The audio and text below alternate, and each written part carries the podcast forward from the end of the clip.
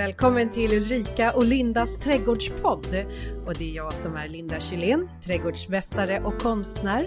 Och det är jag som är Ulrika Levin, trädgårdsdesigner och arkitekt. Eh, och dagens avsnitt ska faktiskt handla om plantering, Linda, eller hur? Ja, vi har kommit in i början, liksom i början av hösten och det är ju en väldigt bra planteringsperiod.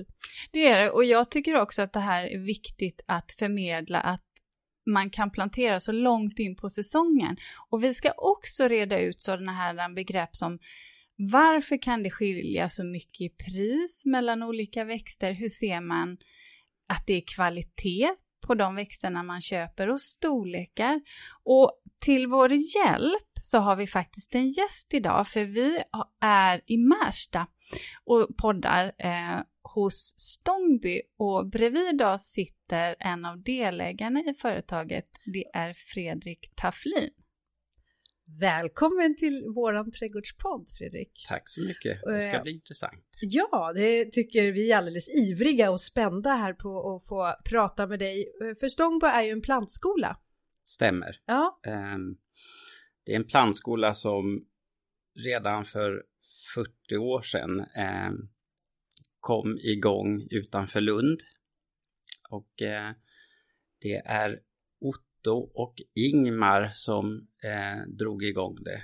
Eh, nu är inte de kvar tyvärr, utan det har tagits över och drivs av dels mig själv och eh, min kollega Jörgen och eh, Ottos son eh, Johan. Eh, vi är tillsammans delägare i Stångby och vi har utvecklat verksamheten från att vara en traditionell plantskola till att bli något som vi tycker är lite mer som handlar om att vi också jobbar väldigt tajt med utbildningar och eh, guidar våra kunder i att hjälpa dem att hitta rätt i växtval och så vidare. Ja, och det var ju så du och jag kom i kontakt Fredrik, för att det var nämligen så här att när jag eh, gjorde en idéträdgård för länge sedan, Grå vardag hette den, eh, så ja, det strulade till sig eh, med växterna egentligen. Jag stod där med växter som inte var särskilt snygga. Och då fick jag tipset om Stångby från Slottsträdgårdsmästaren, för Ulriksdals slott bland annat. Mm. Eh, och jag, jag, kommer så väl ihåg det, för jag vet ju att det här är en period som är, det här, då pratar vi var någon gång i maj, juni, där jag vet ju att mycket är slut. Jag vet ju att det är en otroligt intensiv period för er som jobbar med växtförsäljning då. Och ändå fast jag ringde dig hyperstressad så lyckades du lösa faktiskt att jag fick helt fantastiska växter och, och ja, jag bara kände så jag var så evigt tacksam för att du lyckades lösa det här. Du blev trots... starstruck av Ja, men alltså lite så, framförallt att, att eh, det var att eh, du, du, var så hjälpsam då, fast jag visste vilken belastning du själv hade. Men grejen var ju det att någonting som jag också upptäckte, eh, det var ju att du besitter ju en enorm kunskap. Så jag kallar ju dig för min växtguru. Det är till dig jag ringer när jag känner att jag behöver svar på, på frågor som jag går och klurar på. Och det är alltid så att när jag pratar med dig Fredrik, att det är sådär så att jag bara känner, åh, nu skulle jag nästan vilja vara i din hjärna. För att det är alltid Det vill du inte. Nej, kanske inte nu när ni har haft så jättemycket att göra, men det är just det där att det märks att, eh, det, du vet det är så här när man ställer en fråga så inser man att man får inte ett, man får ett svar men sen så inser man att det finns så himla mycket mer att få fram. Och det är väl lite därför jag tänkte att vi skulle prata med dig idag för att det är ju så här att många kanske köper växter och tänker inte på hur, hur de har odlats fram och vilket vad lång tid det kan ta. Mm. Eh, och där är ju både du och jag intresserade av, ja, men liksom från ax till limpa, eller hur Linda? Absolut, och, men då också sådär, många kan blanda ihop eh, ett trädgårds, eh, alltså trädgårdsbutik eller en eh, handelsträdgård med en plantskola. Alltså det kan ibland sägas som samma namn. Vad är en plantskola?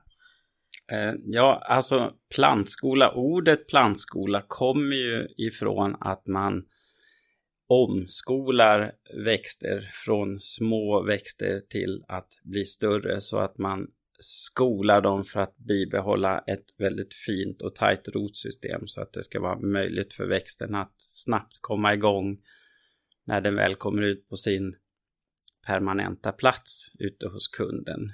Eh, det är extremt viktigt med de här omplanteringarna. Det kallas för omskolning och det är därav namnet plantskola. Mm. Vad är det som är så extremt viktigt med omskolningen? Är det Eh, varje gång man omskolar en planta så eh, skär man av en del av rotsystemet och då beter sig rotsystemet på samma sätt egentligen som en, när man beskär en krona. Att om man tar bort ett eh, toppskott så förgrenar sig eh, det i flera skott. Likaså gör rötterna det och då får man en mycket större rotmassa som har möjlighet att dra upp vatten och näring. Eh, skulle man inte omskola en planta och gräva upp en planta till exempel i skogen så har rötterna redan hunnit iväg långt, långt, långt så man får ju inte med de här viktiga finrötterna som bidrar till att växten kan få upp vatten och näring. Just det. Och det kan man väl säga också är en anledning till när man planterar om sina krukväxter där hemma, att man ska inte vara alltför rädd för att faktiskt klippa i rotsystemet. Nej, det stämmer. För att ju längre bort de där finrötterna sitter egentligen från moderplantan, desto längre passage är det för vatten och näring att ta sig upp till de mm. väsentliga delarna. Så det är ju bra att vi får höra det här nu av dig också Fredrik, som vet vad du pratar om, att man behöver inte vara så rädd för det här med beskärning. Mm. Jag undrar också, vad har du för bakgrund? Själv så... Hur, hur kan det för, komma sig att Ulrika har dig som växtguru? Ja, vad har det, du lärt dig? Det allting? har jag också undrat över. Eh, men för egen del så började jag väl med att jag fann det väldigt intressant eh, med trädgård i allmänhet när jag var i tonåren. Innan det så var det helt ointressant. Men eh, då sökte jag mig till eh, SLU för att se vad de hade för olika utbildningar och eh, erbjuda och eh, då föll det så väl så att jag lyckades komma in på hortonomlinjen. Ja. Och eh, det är en femårig utbildning. Mm. Eh, och, och då undrar du varför jag ser dig som min växtguru? Äh. ja, men... Växtprofessorn. ja, det finns ju många av ens klasskamrater som har en kunskapsnivå som är inom andra områden i växtvärlden som inte jag ens är nära. Men de känner inte jag. Nej, Nej. du behöver inte lära känna dem heller. Då. jo, jag ska vara generös. Ja. Du ska få lära känna Men jag ska säga att eh, jag kom i kontakt med Stångby därför att jag har också en växtguru som befinner sig i de här lokalerna och det är Elisabeth. Just det. Ja, eh, Elisabeth eh, Rovelstad. Hon var min lärare på mm, trädgårdsmästarutbildningen. Mm. Så att Elisabeth har man, jag ska inte säga att jag har fjäskat för henne för att få bra betyg, det har jag inte gjort. Nej, det gick inte att göra det på Elisabeth, utan här är det hårt arbete som gäller. Mm. Men eh, det är klart att har man haft en lärare som eh, har lärt en massor av kunskap så ser man ju upp till den personen och det gör jag till Elisabeth. Hon var väldigt duktig på att lära ut kunskap och också väcka den här kraften av att vilja ut i den här branschen. Mm. Och nu jobbar hon sedan ett par år tillbaka. Jag såg att hon satt här i ett rum. Nu. Ja, det är, det är glädjande. Det är ju, vi är jätteglada för att ha Elisabeth och, och just i det eh, hon är ju sitt esse när hon får eh, utbilda. Oh ja, ja det, det är det, det. Ja. Och det här är ju viktig, alltså det här är en viktig kunskap att förstå. För det finns så mycket att säga kring växter och hur man hanterar dem och hur de tas fram. Och något som jag har gått och funderat på för att jag som designer har ju mina favoritväxter som jag tycker om. Och, eh, men hur väljer ni ut vilka växter som ska odlas, Fredrik? Alltså är det, var, var kommer den inspirationen ifrån? alltså om man säger rent generellt eh, så tittar vi ju på mycket följer vi såklart eh, det vad man ja, som projektör kanske väljer att jobba med men vi hjälper ju till också att styra över till produkter som vi ser är funktionella. Att man försöker hitta växter som fyller en funktion. Och, och eh, om vi tittar på svensk plantskolenäring så har vi ju byggt upp det här E-systemet som i grunden bygger på att det är växter som är väldigt motståndskraftiga och fyller en funktion och att det är också en viss volym. Är det elitplantor? Ja, nej, det, det heter e-plantor. Tidigare hette det elit. Ja. elit. Men det här blandar många ihop till Ja. att de tror att det är ekologiska plantor. Ja, nej, men eh, kanske i framtiden. Mm. Men vi är ju inte där än. Men så, så en del av den produktionen som vi har idag är ju anpassad mot det här specifika e-materialet. Sen när det gäller Stångby så eh, har, vi, eh, ha, har vi en målsättning att ha en ganska stor bredd på, um, vad det gäller mm, framförallt träd och solitärbuskar. Och då får man ju söka sig långt utanför eh, det här e-systemet. Det kan ju handla om att man letar rätt på individer med karaktär och lite så. Och det styr, är ju en del styrt av vad vi får till oss bla, eh, hos våra kunder. Vad man är ute efter. Och innan vi hade en egen produktion av det här så märkte vi hur svårt det var att få fram vissa produkter. För vad hämtar ni era växter ifrån? Förutom produktionen i, i Sverige så Ja, åker ni eh, även ner till Europa? Det är ju, det är ju i Europa mm, vi söker de här växterna och helst så eh, försöker vi hitta de här växterna som har lite karaktär och inte egentligen är redan extremt formbeskurna. Vi kanske inte åker till de här största plantskolorna där det står 800 hektar med eh, lindar i en rad. Det, det är inte det som triggar oss.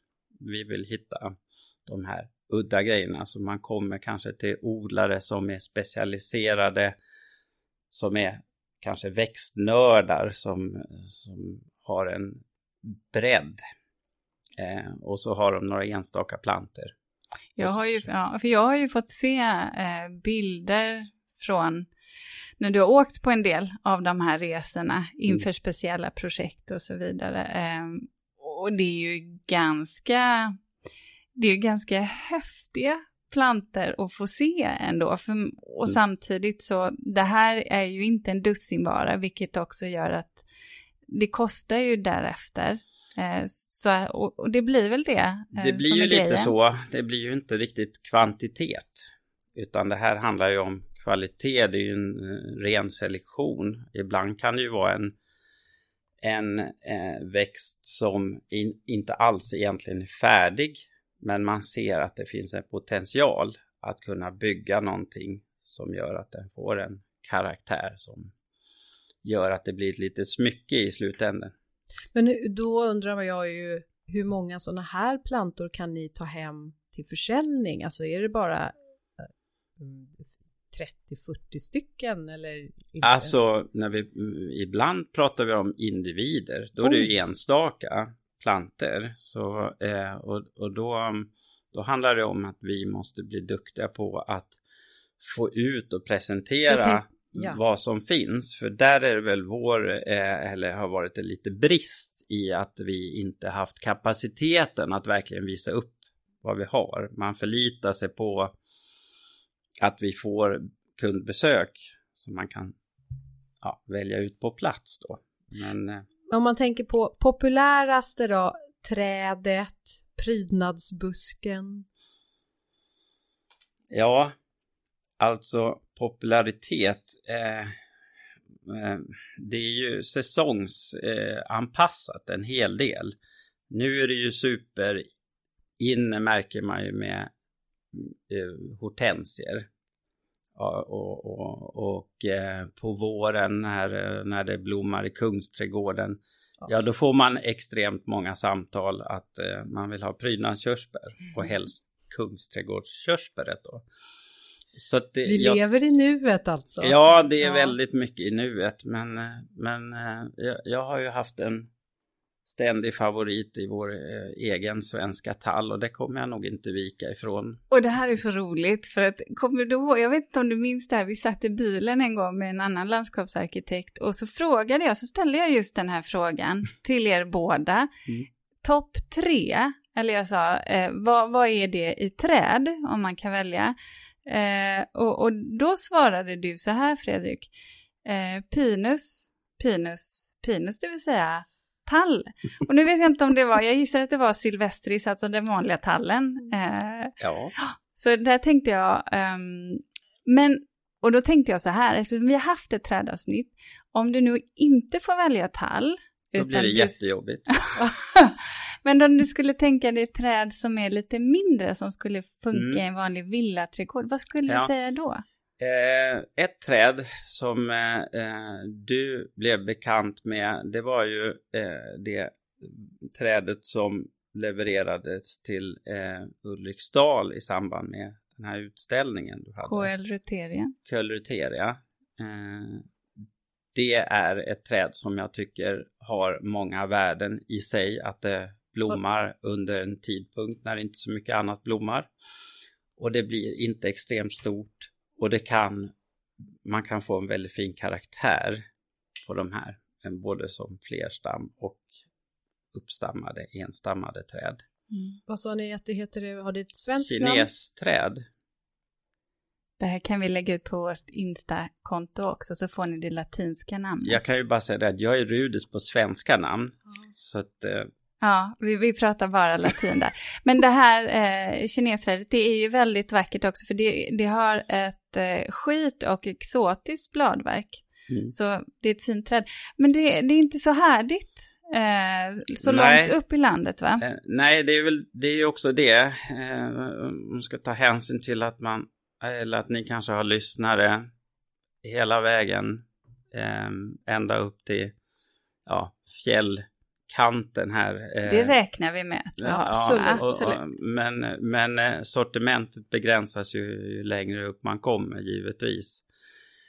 Um, så kinesträdet det, det är väl, ja det är ju Mälardalen och eh, ner ut efter kustbandet som, som det är ett säkert kort. Samtidigt så är det ett sånt träd som reagerar eh, eller trivs i när det blir mycket värmemängd. Mm, nu är det ju extremt just den här veckan och förra veckan men rent generellt så, uh, så blir det så att, man, att det blir en större värmemängd per år så att det här med de här härdighetsgränserna det är väldigt svårt. Mm. Man, man, kan, man, får inte vara för strikt heller. Man ska våga prova. Absolut. Du har ju dina mikroklimat i din trädgård. Absolut. Jag måste säga när du sa tall. Så de vackraste tallarna. Det är de tycker jag som jag ser ute i skärgården. Mm. Som blir sådär som växer långsamt, eh, som mm. blir som vindpinade och nästan som, vad heter sådana här små Bonsai, bonsaier ja. Mm. Det har vi eh, ute på vårt landställe och jag gick upp precis här i, igår och klappade efter de här träden, alltså mm. de här tallarna. De är så vackra. Jag håller fullt med. Eh, utmaningen är ju då att, eh, att om vi ska försöka hitta sådana här och, med karaktär. Eh, eh, med karaktär så är det ju ofta det att i en plantskola så eh, driver man ju på växterna så att eh, och, och, det är ju motsatsen till när man har ett vindpinat träd som är ute efter kustbandet. Eh, men då finns det ju vissa sorter som är eh, naturligt kompakta. Då finns det en, en eh, tall som vars sort heter Vattereri. Som är väldigt lämpad för att bygga vidare då till eh, ett sånt här lite bonsai-aktigt. Ah, det lägger jag på minnet. Ja. ja. Det finns flera platser ute på ön man kan plantera på. Mm. När man då, nu har vi pratat lite om det här hur man tänker som, som odlare, men processen som sådan, eh, från, från eh, alltså hur, hur lång tid tar det att ta fram till exempel ett träd eller en buske? Och nu förstår jag att det här har ju med vilken storlek man vill sälja den i. Ja, alltså för vår del, när jag tittar på så har vi ju dels produktion, om vi tar exempel fruktträd, där vi är med eh, i hela, på hela resan kan man säga, från att man okulerar eh, de här träden, de här sorterna på små ettårsplanter eller tvåårsplanter som står på friland som man sen låter bygga ett eh, fruktträd av under en period av tre, fyra, fem år. Eh, och även så, så mm, när vi pratar om buskar som kanske är en, egentligen en kultur som handlar om från frö till färdigvara tre år alternativt fyra år till de här större träden och flerstammade solitärerna. De äldsta exemplaren vi har i plantskolan är ju dryga 30 år. Ja, det förstår man. Eh, Prislappar på träd också. Mm. Men det, det är ju sällan eller knappast troligt att någon av de här individerna som är så gamla har varit med Stångby hela vägen. Det, det pratas ju ibland om eh, svenskodlat eller inte svenskodlat och så ska man försöka dra någon linje att det måste vara odlat i minst tre år för att kallas för svenskodlat. Jag tycker det är eh, viktiga framförallt är ju att man ta fram produkter eh, oavsett vilket land man är egentligen, att man är en duktig odlare och, och, och kan sitt hantverk och vet att hantera växterna på ett sätt som gör att man får ett bra, en bra planta som blir stabil. Men den här våren har ju varit speciell och um, man har varit hemma. Det har varit ett enormt trädgårdsintresse och helt plötsligt så har växter tagit slut. Ja, är det inte konstigt? Det är ju konstigt. Och, och störigt. Och störigt är det fram, framförallt om man också ska ha som jag eh, har hjälpt min mamma väldigt mycket i år ute hos henne och hon bor ute på landet och det får, hon har stora ytor, det får, ska vara en vild karaktär där ute, hon har eh, hallon. Men jag sa så här, vi, vi kan plantera in lite rosenhallon eh, under kontrollerade former så att den inte sprids för mycket. Inte ens rosenhallon fick, gick att få tag på. Nej. Ja, jag fick till slut faktiskt ifrån er från Stångby. Eh, men det var inte de rosa utan jag fick några vita exemplar utav rosenhallon. Blev de vita fast du hade köpt rosa? Ja, men det... Sånt händer också. Sånt händer. Ja, men det är faktiskt, det är hantverk. Men eh, hur är det egentligen med när växter tar slut? Har ni ett lager men de buskarna är bara två år så de tänker vi inte plocka utav. Står ni emot att folk är så här, sälj dem till mig? Mm, ja, eh, det är ju så för att man ska kunna jobba långsiktigt så har vi ju en odlingsplan, en odlingstrappa som vi försöker följa. Eh, det är ju så till exempel att när det börjar ta slut på en storlek av ett träd skulle vi börja plocka av träd av samma sort av mindre storlek, då har vi ju tömt det som vi vill ska bli klart till nästa säsong och så vidare. Så till viss del är det rätt. Eh, men det är ju också mm, som med buskar och perenner, där, där tog det verkligen slut. Mm. Och det finns ju flera skäl till det. Eh, ett skäl är att det är färre och färre producenter av växter. Just och då det. tittar vi på hela Europa. Um, och det är ju traditionellt sett så att det oftast är familjeföretag. Man kommer i ett skede mm, när det är svårt att få den här successionen.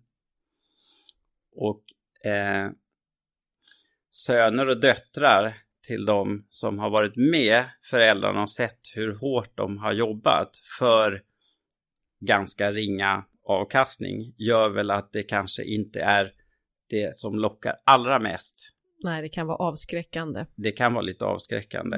Eh, och när man pratar med odlare på kontinenten också så har mycket av den här, ska man säga, själva produktionen, eh, det hårda jobbet ute eh, på fält eh, eh, skett genom att man har eh, tagit in extra arbetskraft eh, från Östeuropa framför allt. Och nu har ju standarden också i de länderna blivit bättre efterhand, vilket har gjort att man kanske ändå hittar ett jobb på hemmaplan, vilket är oftast behagligare mm. än att behöva resa långt och så vidare. Så att det är svårt i dagsläget att hitta arbetskraft. Mm. Eh, vilket gör att det är det som begränsar utvecklingen. Alla känner av att det är en stor efterfrågan men, men det är det som hindrar och, och, och gör också att när efterfrågan stiger så drastiskt som man, den har gjort och nu det här coronaåret så har det ju blivit så att det är många som har fokuserat kring att jobba såklart med att förbättra miljön både invändigt och utvändigt hemma. Så det har ju varit en extra tillströmning av eh, kunder på Garden Center, inte bara i Sverige utan även i Tyskland och Holland som gör att det tog slut. Och det märktes ju jättetydligt för det gick fort. Det var ja. slut mycket, mycket tidigare i år än vad det brukar vara.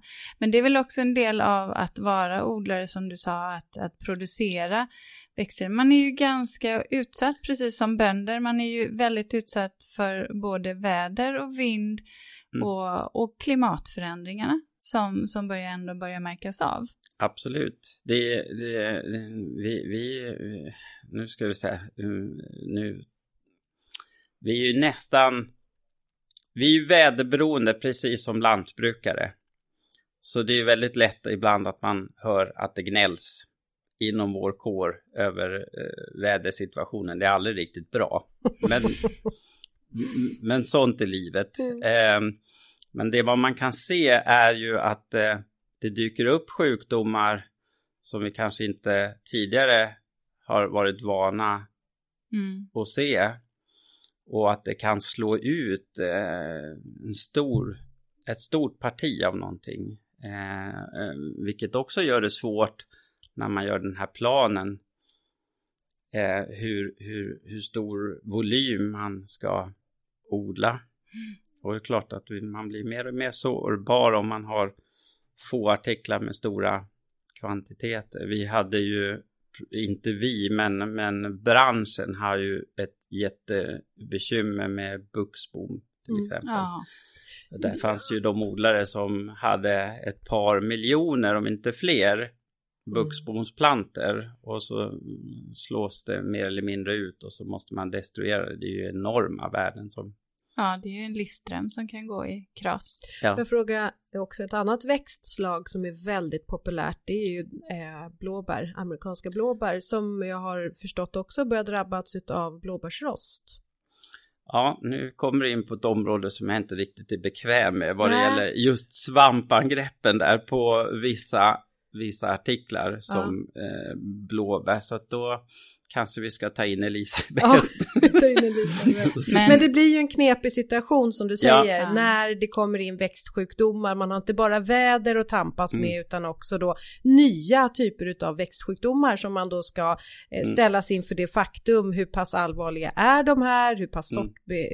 specifika är de? Och, eh, ja, så att det är ju och, och sen är det ju vissa sjukdomar som är väldigt plantskolerelaterade. Det kan ju vara att de står tätt i produktionen och de står under glas och så vidare. Där de blir, eh, kan bli hårt drabbade. Men sen eh, samma planta om man eh, sätter ut den i, i offentlig miljö eller i, hemma i någons trädgård så kan det vara ett övergående problem. Alltså ibland med lusangrepp och så vidare. Eh, när Eh, det inte är den här monokulturen. Kulturen. Eh, och det är klart att eh, det finns ju det, ju, det, det, finns ju fortfarande möjligheter till viss del att bekämpa men det är ju inte det att man gärna vill gå in med bekämpning, i alla fall vad det gäller kemisk bekämpning. Så länge det finns biologisk bekämpning så är det ju inga problem, men man får nog leva med lite grann att ibland kunna hitta en lus eller ett hål i ett blad. Mycket bra säger jag också. För, att, um, för det är verkligen så som du säger att vi får, det får man leva med att det är därför att eh, vi kan inte hålla på och, och bekämpa allt utan det handlar ju mm. väldigt mm. mycket om, även vi människor blir ju också eh, förkylda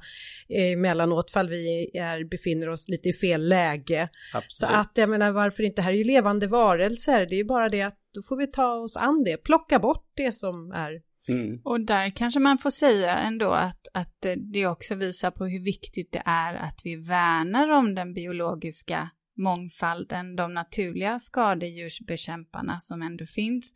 Och att när man kanske i sin trädgård väljer växter, eh, väljer de som är friska och härdiga, men också tänka på att man kanske varierar sig där så att man inte bara väljer en typ av träd eller en, alltså både träd och buske till exempel i körsbär eller prydnadskörsbär för då, mm. då blir man ju lite extra utsatt. Blir det monokulturen då? Ja, mm. så att man har det.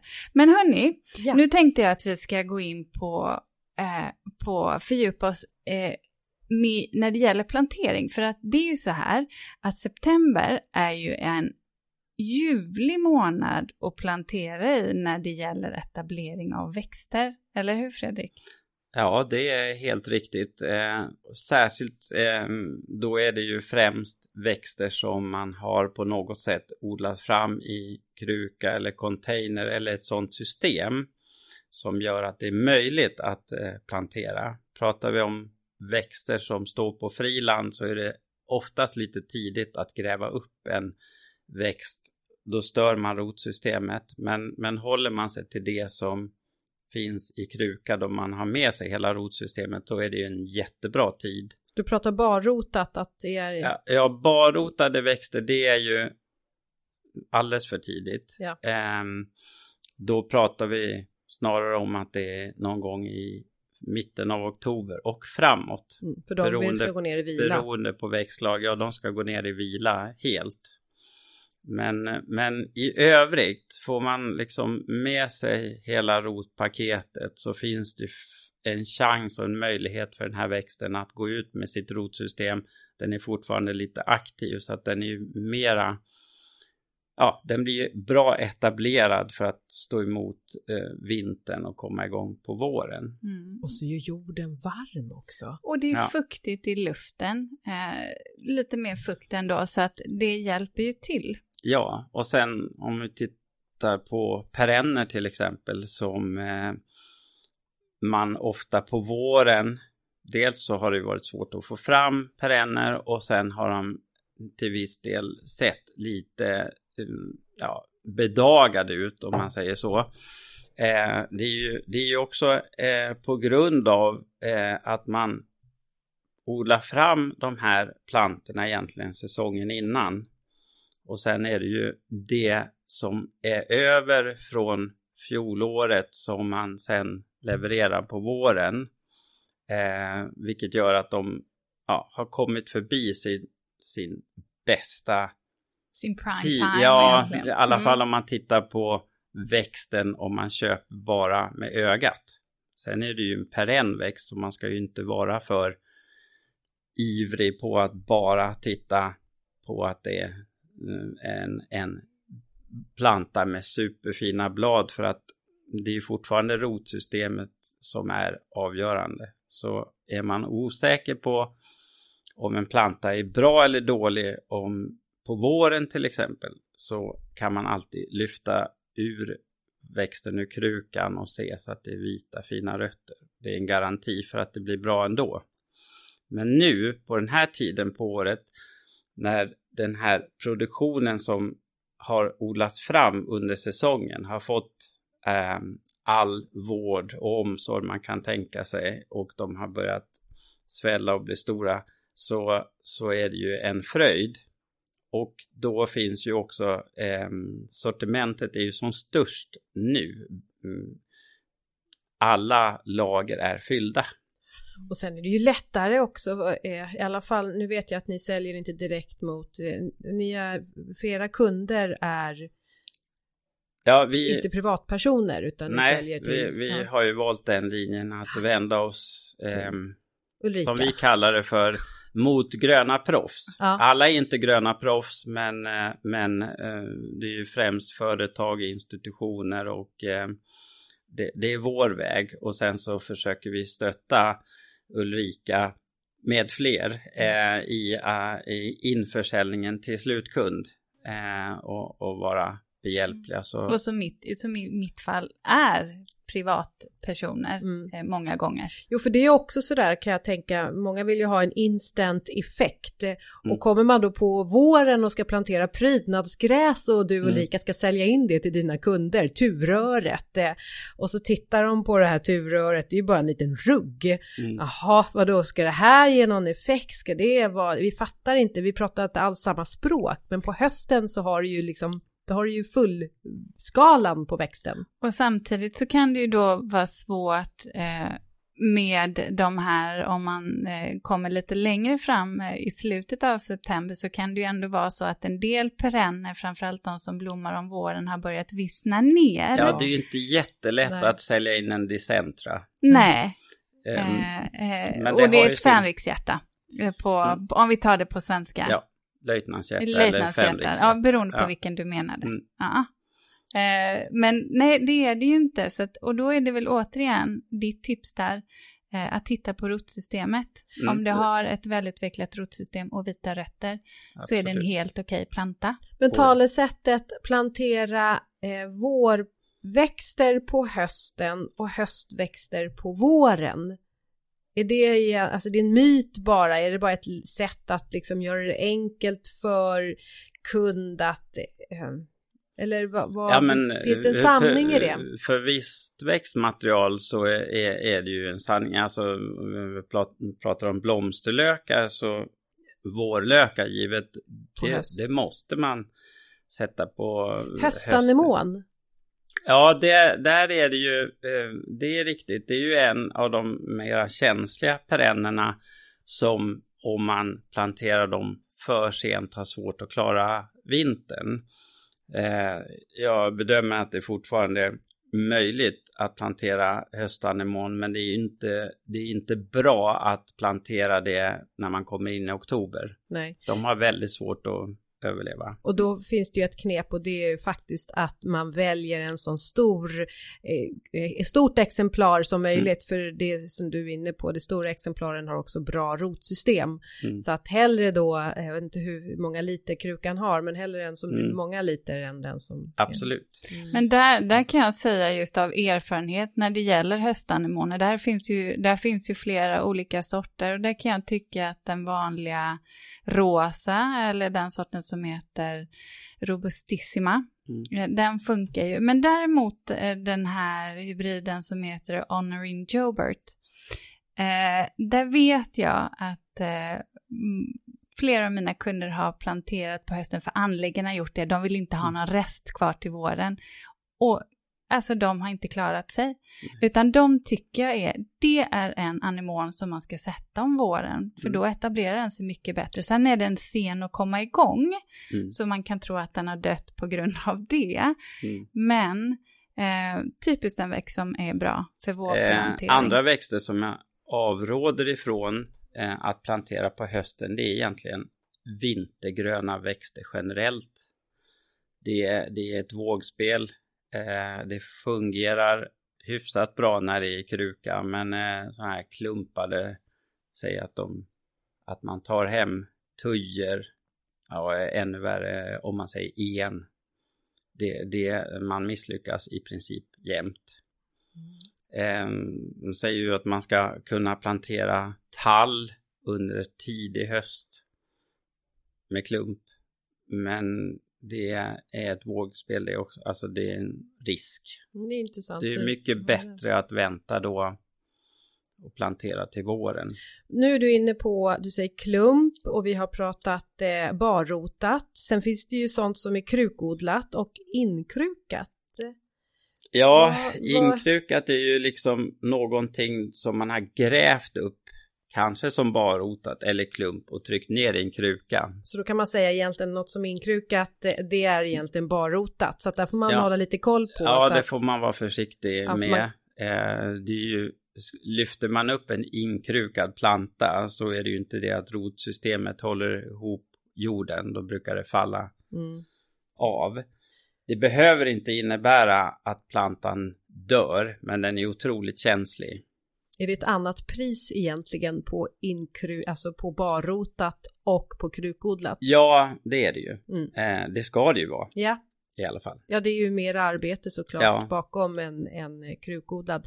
Ja. Om du säger, eh, för krukodlad då har den ju vuxit eh, under eh, i alla fall ett år i varje, i sin kruka. Ja, det kan man ju säga, beroende på vad det är för växt vi pratar om. När vi odlar fram prydnadsbuskar så är det ju så att vi krukar upp dem med barrotsplanter i mars, april, maj. Och så blir de klara och genomrotade och salubara nu. Från och med nu och framåt kan man säga. En per en är ju oftast i en lite mindre kruka och det går lite snabbare Mm. att få fram. Medan då ett träd som vi sätter i, i, i vårt system som är i princip en kruka fast lite speciell för att inte få rotsnurr. Då kan det ibland ta två säsonger innan vi har en salubar planta. När vi sätter ut magnolier till exempel så krävs det i princip två år innan, innan vi kan börja sälja av dem. Klump, Ja, klump ja. ja. Bara ordet klump låter ju roligt. Ja. Vad är klump? Ehm, Ja, det är ju en, främst en jordklump. Eh, det, det, det är ju växter som eh, odlas fram på ett traditionellt sätt på friland. Det är det vi kallar för friland, alltså på åken. Eh, rätt och slätt.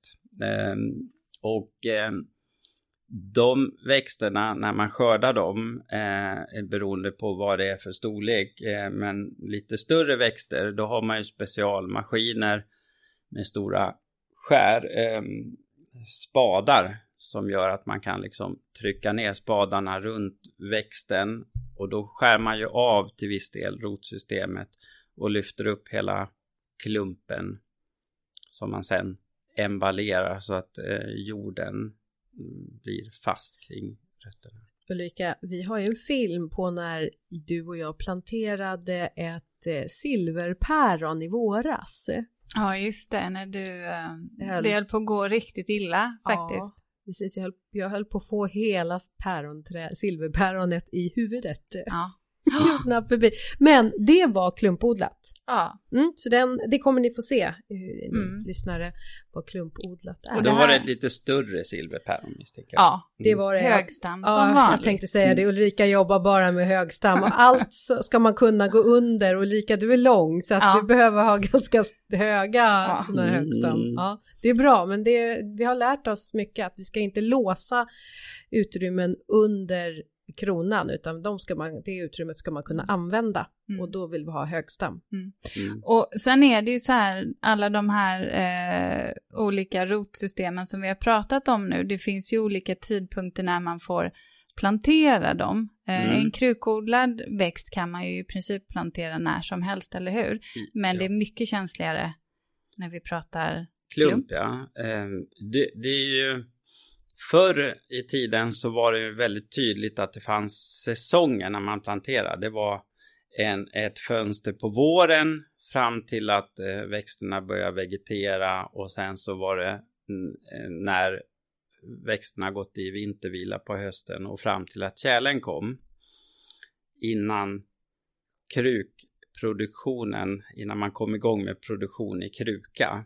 Men nu har det ju liksom bidragit till att man i princip kan plantera när som helst eh, på året. Men det är ju inte alltid det är lämpligt heller. När det är som varmast skulle jag avråda från att plantera.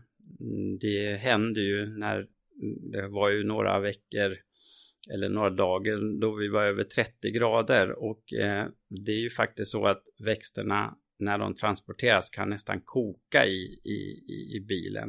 Um, Nej, så, när det är sådär varmt då ska man, då ska man söka upp badstranden. Ja, för säga. Det, det, men alltså, ja, det ska vi inte hålla på med. Absolut det är så sant. Inte. Ja. Eh, utan mm, bättre att eh, styra så att man planterar lite svalare förhållanden. Det är Höst. bra. Plantering ja, höstplantering är mycket, är bra. mycket bra. Mm. Något annat jag är nyfiken på också, nu har vi pratat mycket rotsystem, men jag tänker också kronor och jag tänker på kvaliteten, till exempel om man köper en ros, mm. så finns det väl faktiskt föreskrifter om hur många välriktade grenar ska den här rosen ha som man köper? Ja, alltså Äppelträd. Eh, det finns ju ett eh en, eh, vad ska man säga, kvalitetshandbok som eh, näringen har tagit fram. Och, och, av den anledningen av framförallt kanske tidigare att det var sån väldig variation på eh, vad man verkligen fick. Och då definierar man vad den här kvaliteten till exempel på ros, vad den ska uppfylla för att få kallas för A-kvalitet till exempel. Så att eh, det, och då är det ju viktigt för odlaren givetvis att eh, hantera det och klara av att beskära den så att man får den här salubara produkten som håller kvaliteten enligt handboken. Och det kan ju vara intressant och jag tror många lyssnare är just privat, alltså hobbyodlare. Det kan ju vara intressant att veta det också när man då ska köpa en växt, om man går mm. till en handelsträdgård, att faktiskt ta en titt på kronan. Hur många grenar har den här äh, rosen? Jag vet inte om det är tre eller fyra grenar den ska mm. ha.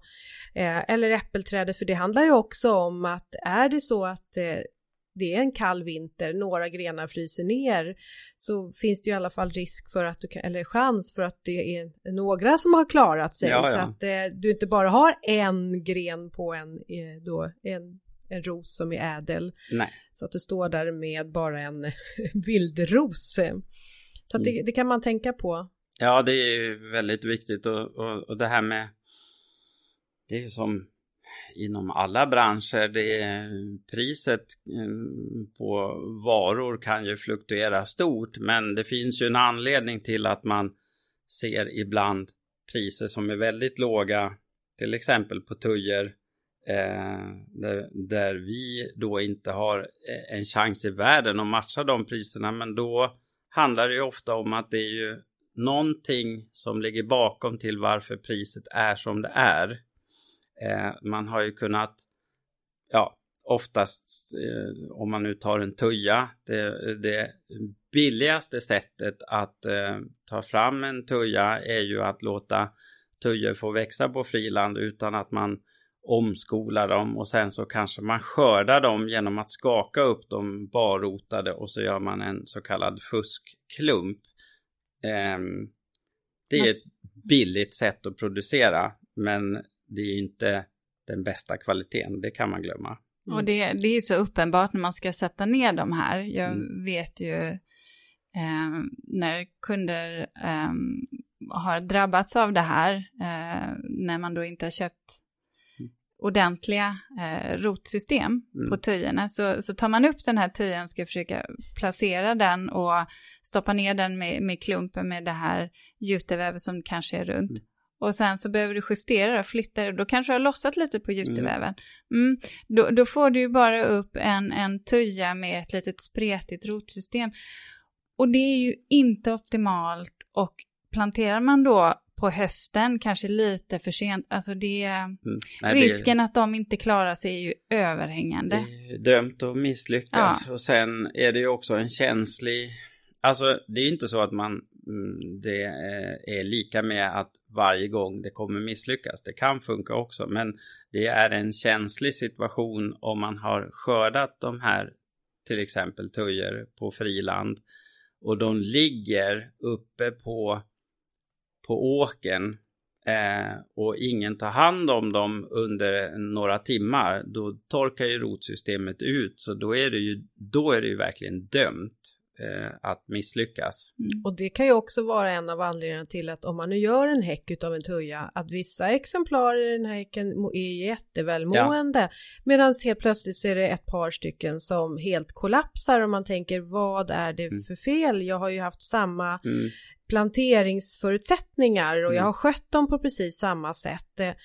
Och det kan ju vara så då att det här ligger och lurar lite att det, rotsystemet har, eh, mm. en viss del av rotsystemet har faktiskt kollapsat. Och det är ju samma som med klumpade tujor. Eh, eh, man kanske har dem på friland i väntan på att det ska komma då traktorer med sina pallar där man samlar ihop eh, tujorna och och så har det varit där ett par dygn utan att det har kommit bra med vatten eller de klumparna som ligger längst ut eh, om man har samlat ihop dem har blivit exponerade så att de har torkat. Ja, då, då kommer det vara så att ett par, tre stycken tujor kommer stryka med på grund av att de har blivit för stressade.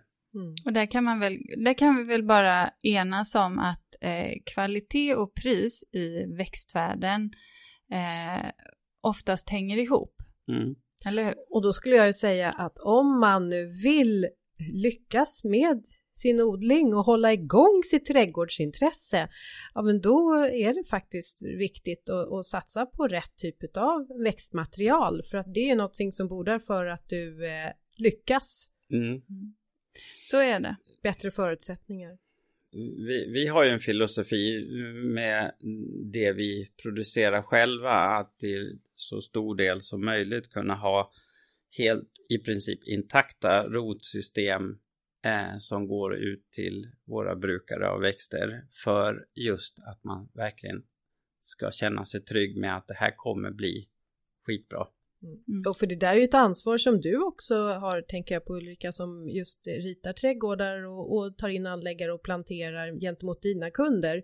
Att det här är ju växter som du går i god för att det här kommer klara sig och då behöver man ju ha bra kvalitet. Ja, jo men det är jätteviktigt och det kan väl också visa utifrån från de projekt jag har haft. Eh, jag har ju i princip inte haft några reklamationer alls under alla de här åren.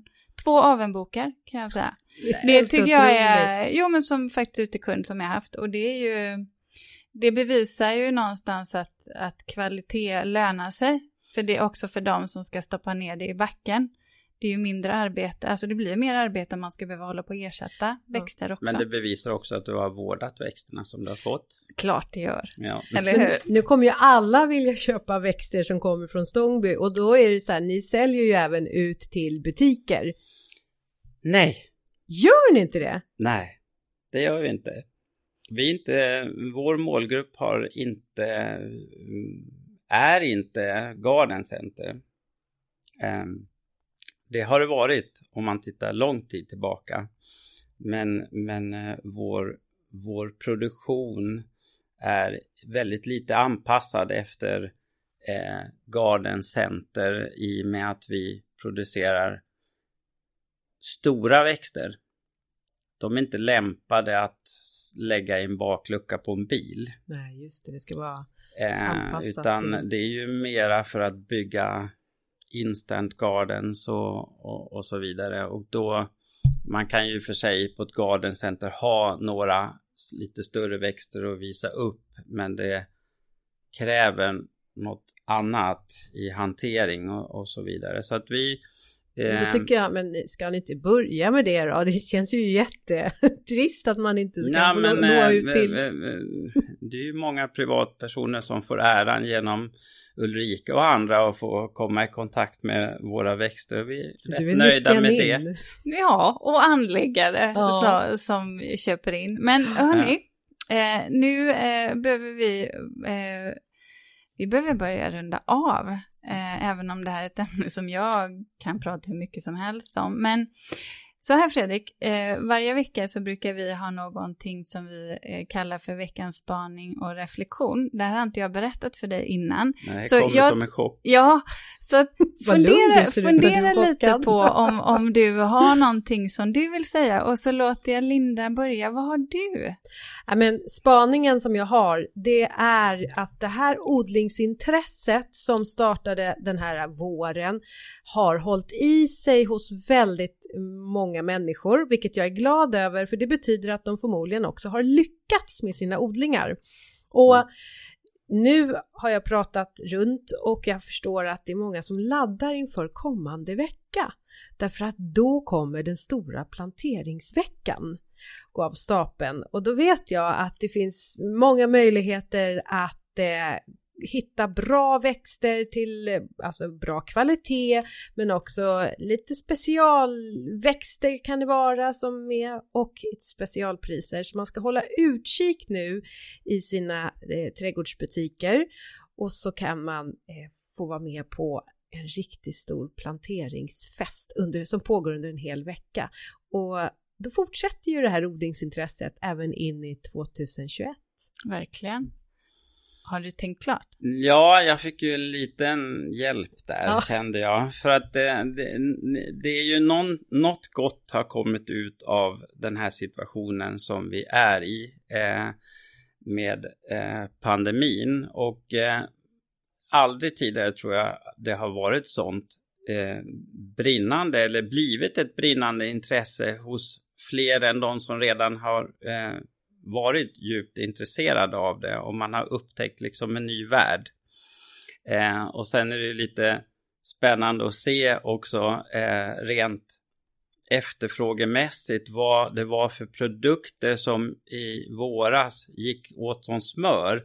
Och det var ju frukt och bär och ätbart. Eh, eh, det var liksom back to basic. Eh, och jag hoppas att det mm, kommer leva kvar. Att man plötsligt har ja, riktat blickarna mot att det är faktiskt väldigt spännande och roligt att se att man själv kan få fram Ja. egna. Och det där märkte jag. Då eh, tycker jag man ska komplettera de här frukt och bärplantorna också med blommande buskar och träd så att vi också ger mat åt pollinatörerna så att de Absolut. kan fortsätta att pollinera så att vi får Mm. allt hänger ihop. Och Du- vi har ju ett avsnitt eh, så, om just eh, frukt och bär som precis har sänts. Så Just. det får ni gärna gå in och lyssna på. Ja. Mm. Och Ulrika, du brukar alltid ha en eh, ja, så här poetisk eh, spaning och reflektion. Det, det blir det inte idag. Utan, Asså? nej, vet du, Det är för vet ni vad? Nu, nu kommer jag, nej, nu kommer jag nog snarare gå på kanske lite, herre som, nej, elefant i glashus. Nej, men faktiskt, jag skulle vilja göra ett upprop. Det är så här, någonting som jag tycker är så tråkigt att vi fortfarande lever med i, eh, när det gäller växter. Det är ju de här svarta plastkrukorna och, och alltså jag bara känner att det måste börja finnas andra alternativ än att, att jobba med den här svarta plasten som, som bara eh, slängs eller eldas upp som man inte kan återanvända. Det är ju olja i grund och botten. Det finns ju det nu, i alla fall till eh, konsument, alltså Ja. om man vill hålla på egenodla, då finns det en annan. Men i yrkesodlingen där, där skulle Nej, men jag det är ju verkligen... en utveckling på gång där också. Ja. Det är ju så. Det var skönt Det är att ju höra, väldigt Ulrika. svårt just att återanvända svart plast. Ja, Det börjar ju komma fram tekniker för det också, men eh, det vore väl alldeles utmärkt om man kan komma ifrån plast överhuvudtaget om det går. Men, Ja. men det är klart att man det har ju går. prövat eh, tidigare, ja det är klart att det går, eller att man eh, har en biologiskt nedbrytbar plastprodukt eh, på något vis. Eh, men jag vet tidigare så har det ju prövats med lite papperskrukor och så vidare. Det fungerar bra eh, på en produkt som inte står i krukan för länge. Nej. Men så fort det börjar bli ett par månader för länge så mm, blir det svårt och, och har man eh, en sån produkt i ett garden center så är det inte det att konsumenten väljer det för att det börjar se lite mm. Ulrika, ut, tyvärr. jag tror att du själv får vara den som tar fram den här krukan. Det tror inte jag att jag har kompetens att göra, men, men jag hoppas verkligen och jag vet ju att också att det det eh, kommer, är på gång. Det kommer. Att det är det. Och jag tycker ja. att det är viktigt att lyfta det. Jätteviktigt är det. Mm. Så att vi får bort den här plasten som också hamnar på ställen där det inte ska vara. Nej.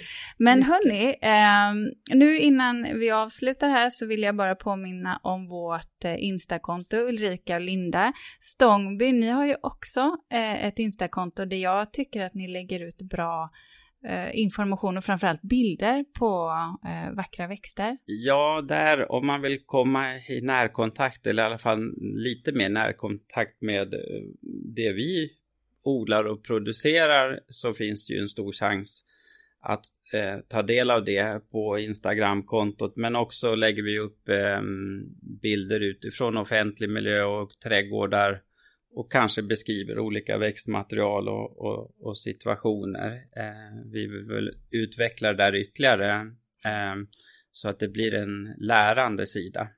Nu är jag nyfiken på att gå ut och titta på Ja men det gör vi. Och mm. eh, adressen till, till Stångbys Instakonto det finns på vårat Instakonto. Och Eh, vi lämnar er här går ut och kollar. Så, och kom ihåg, det finns fler avsnitt att lyssna på. Eh, och så tackar vi för oss. Tack Fredrik. Tack själva. Det var, hej då. Det var lite kul här. Det var roligt ja. Tack, tack. Hej då. Hej då.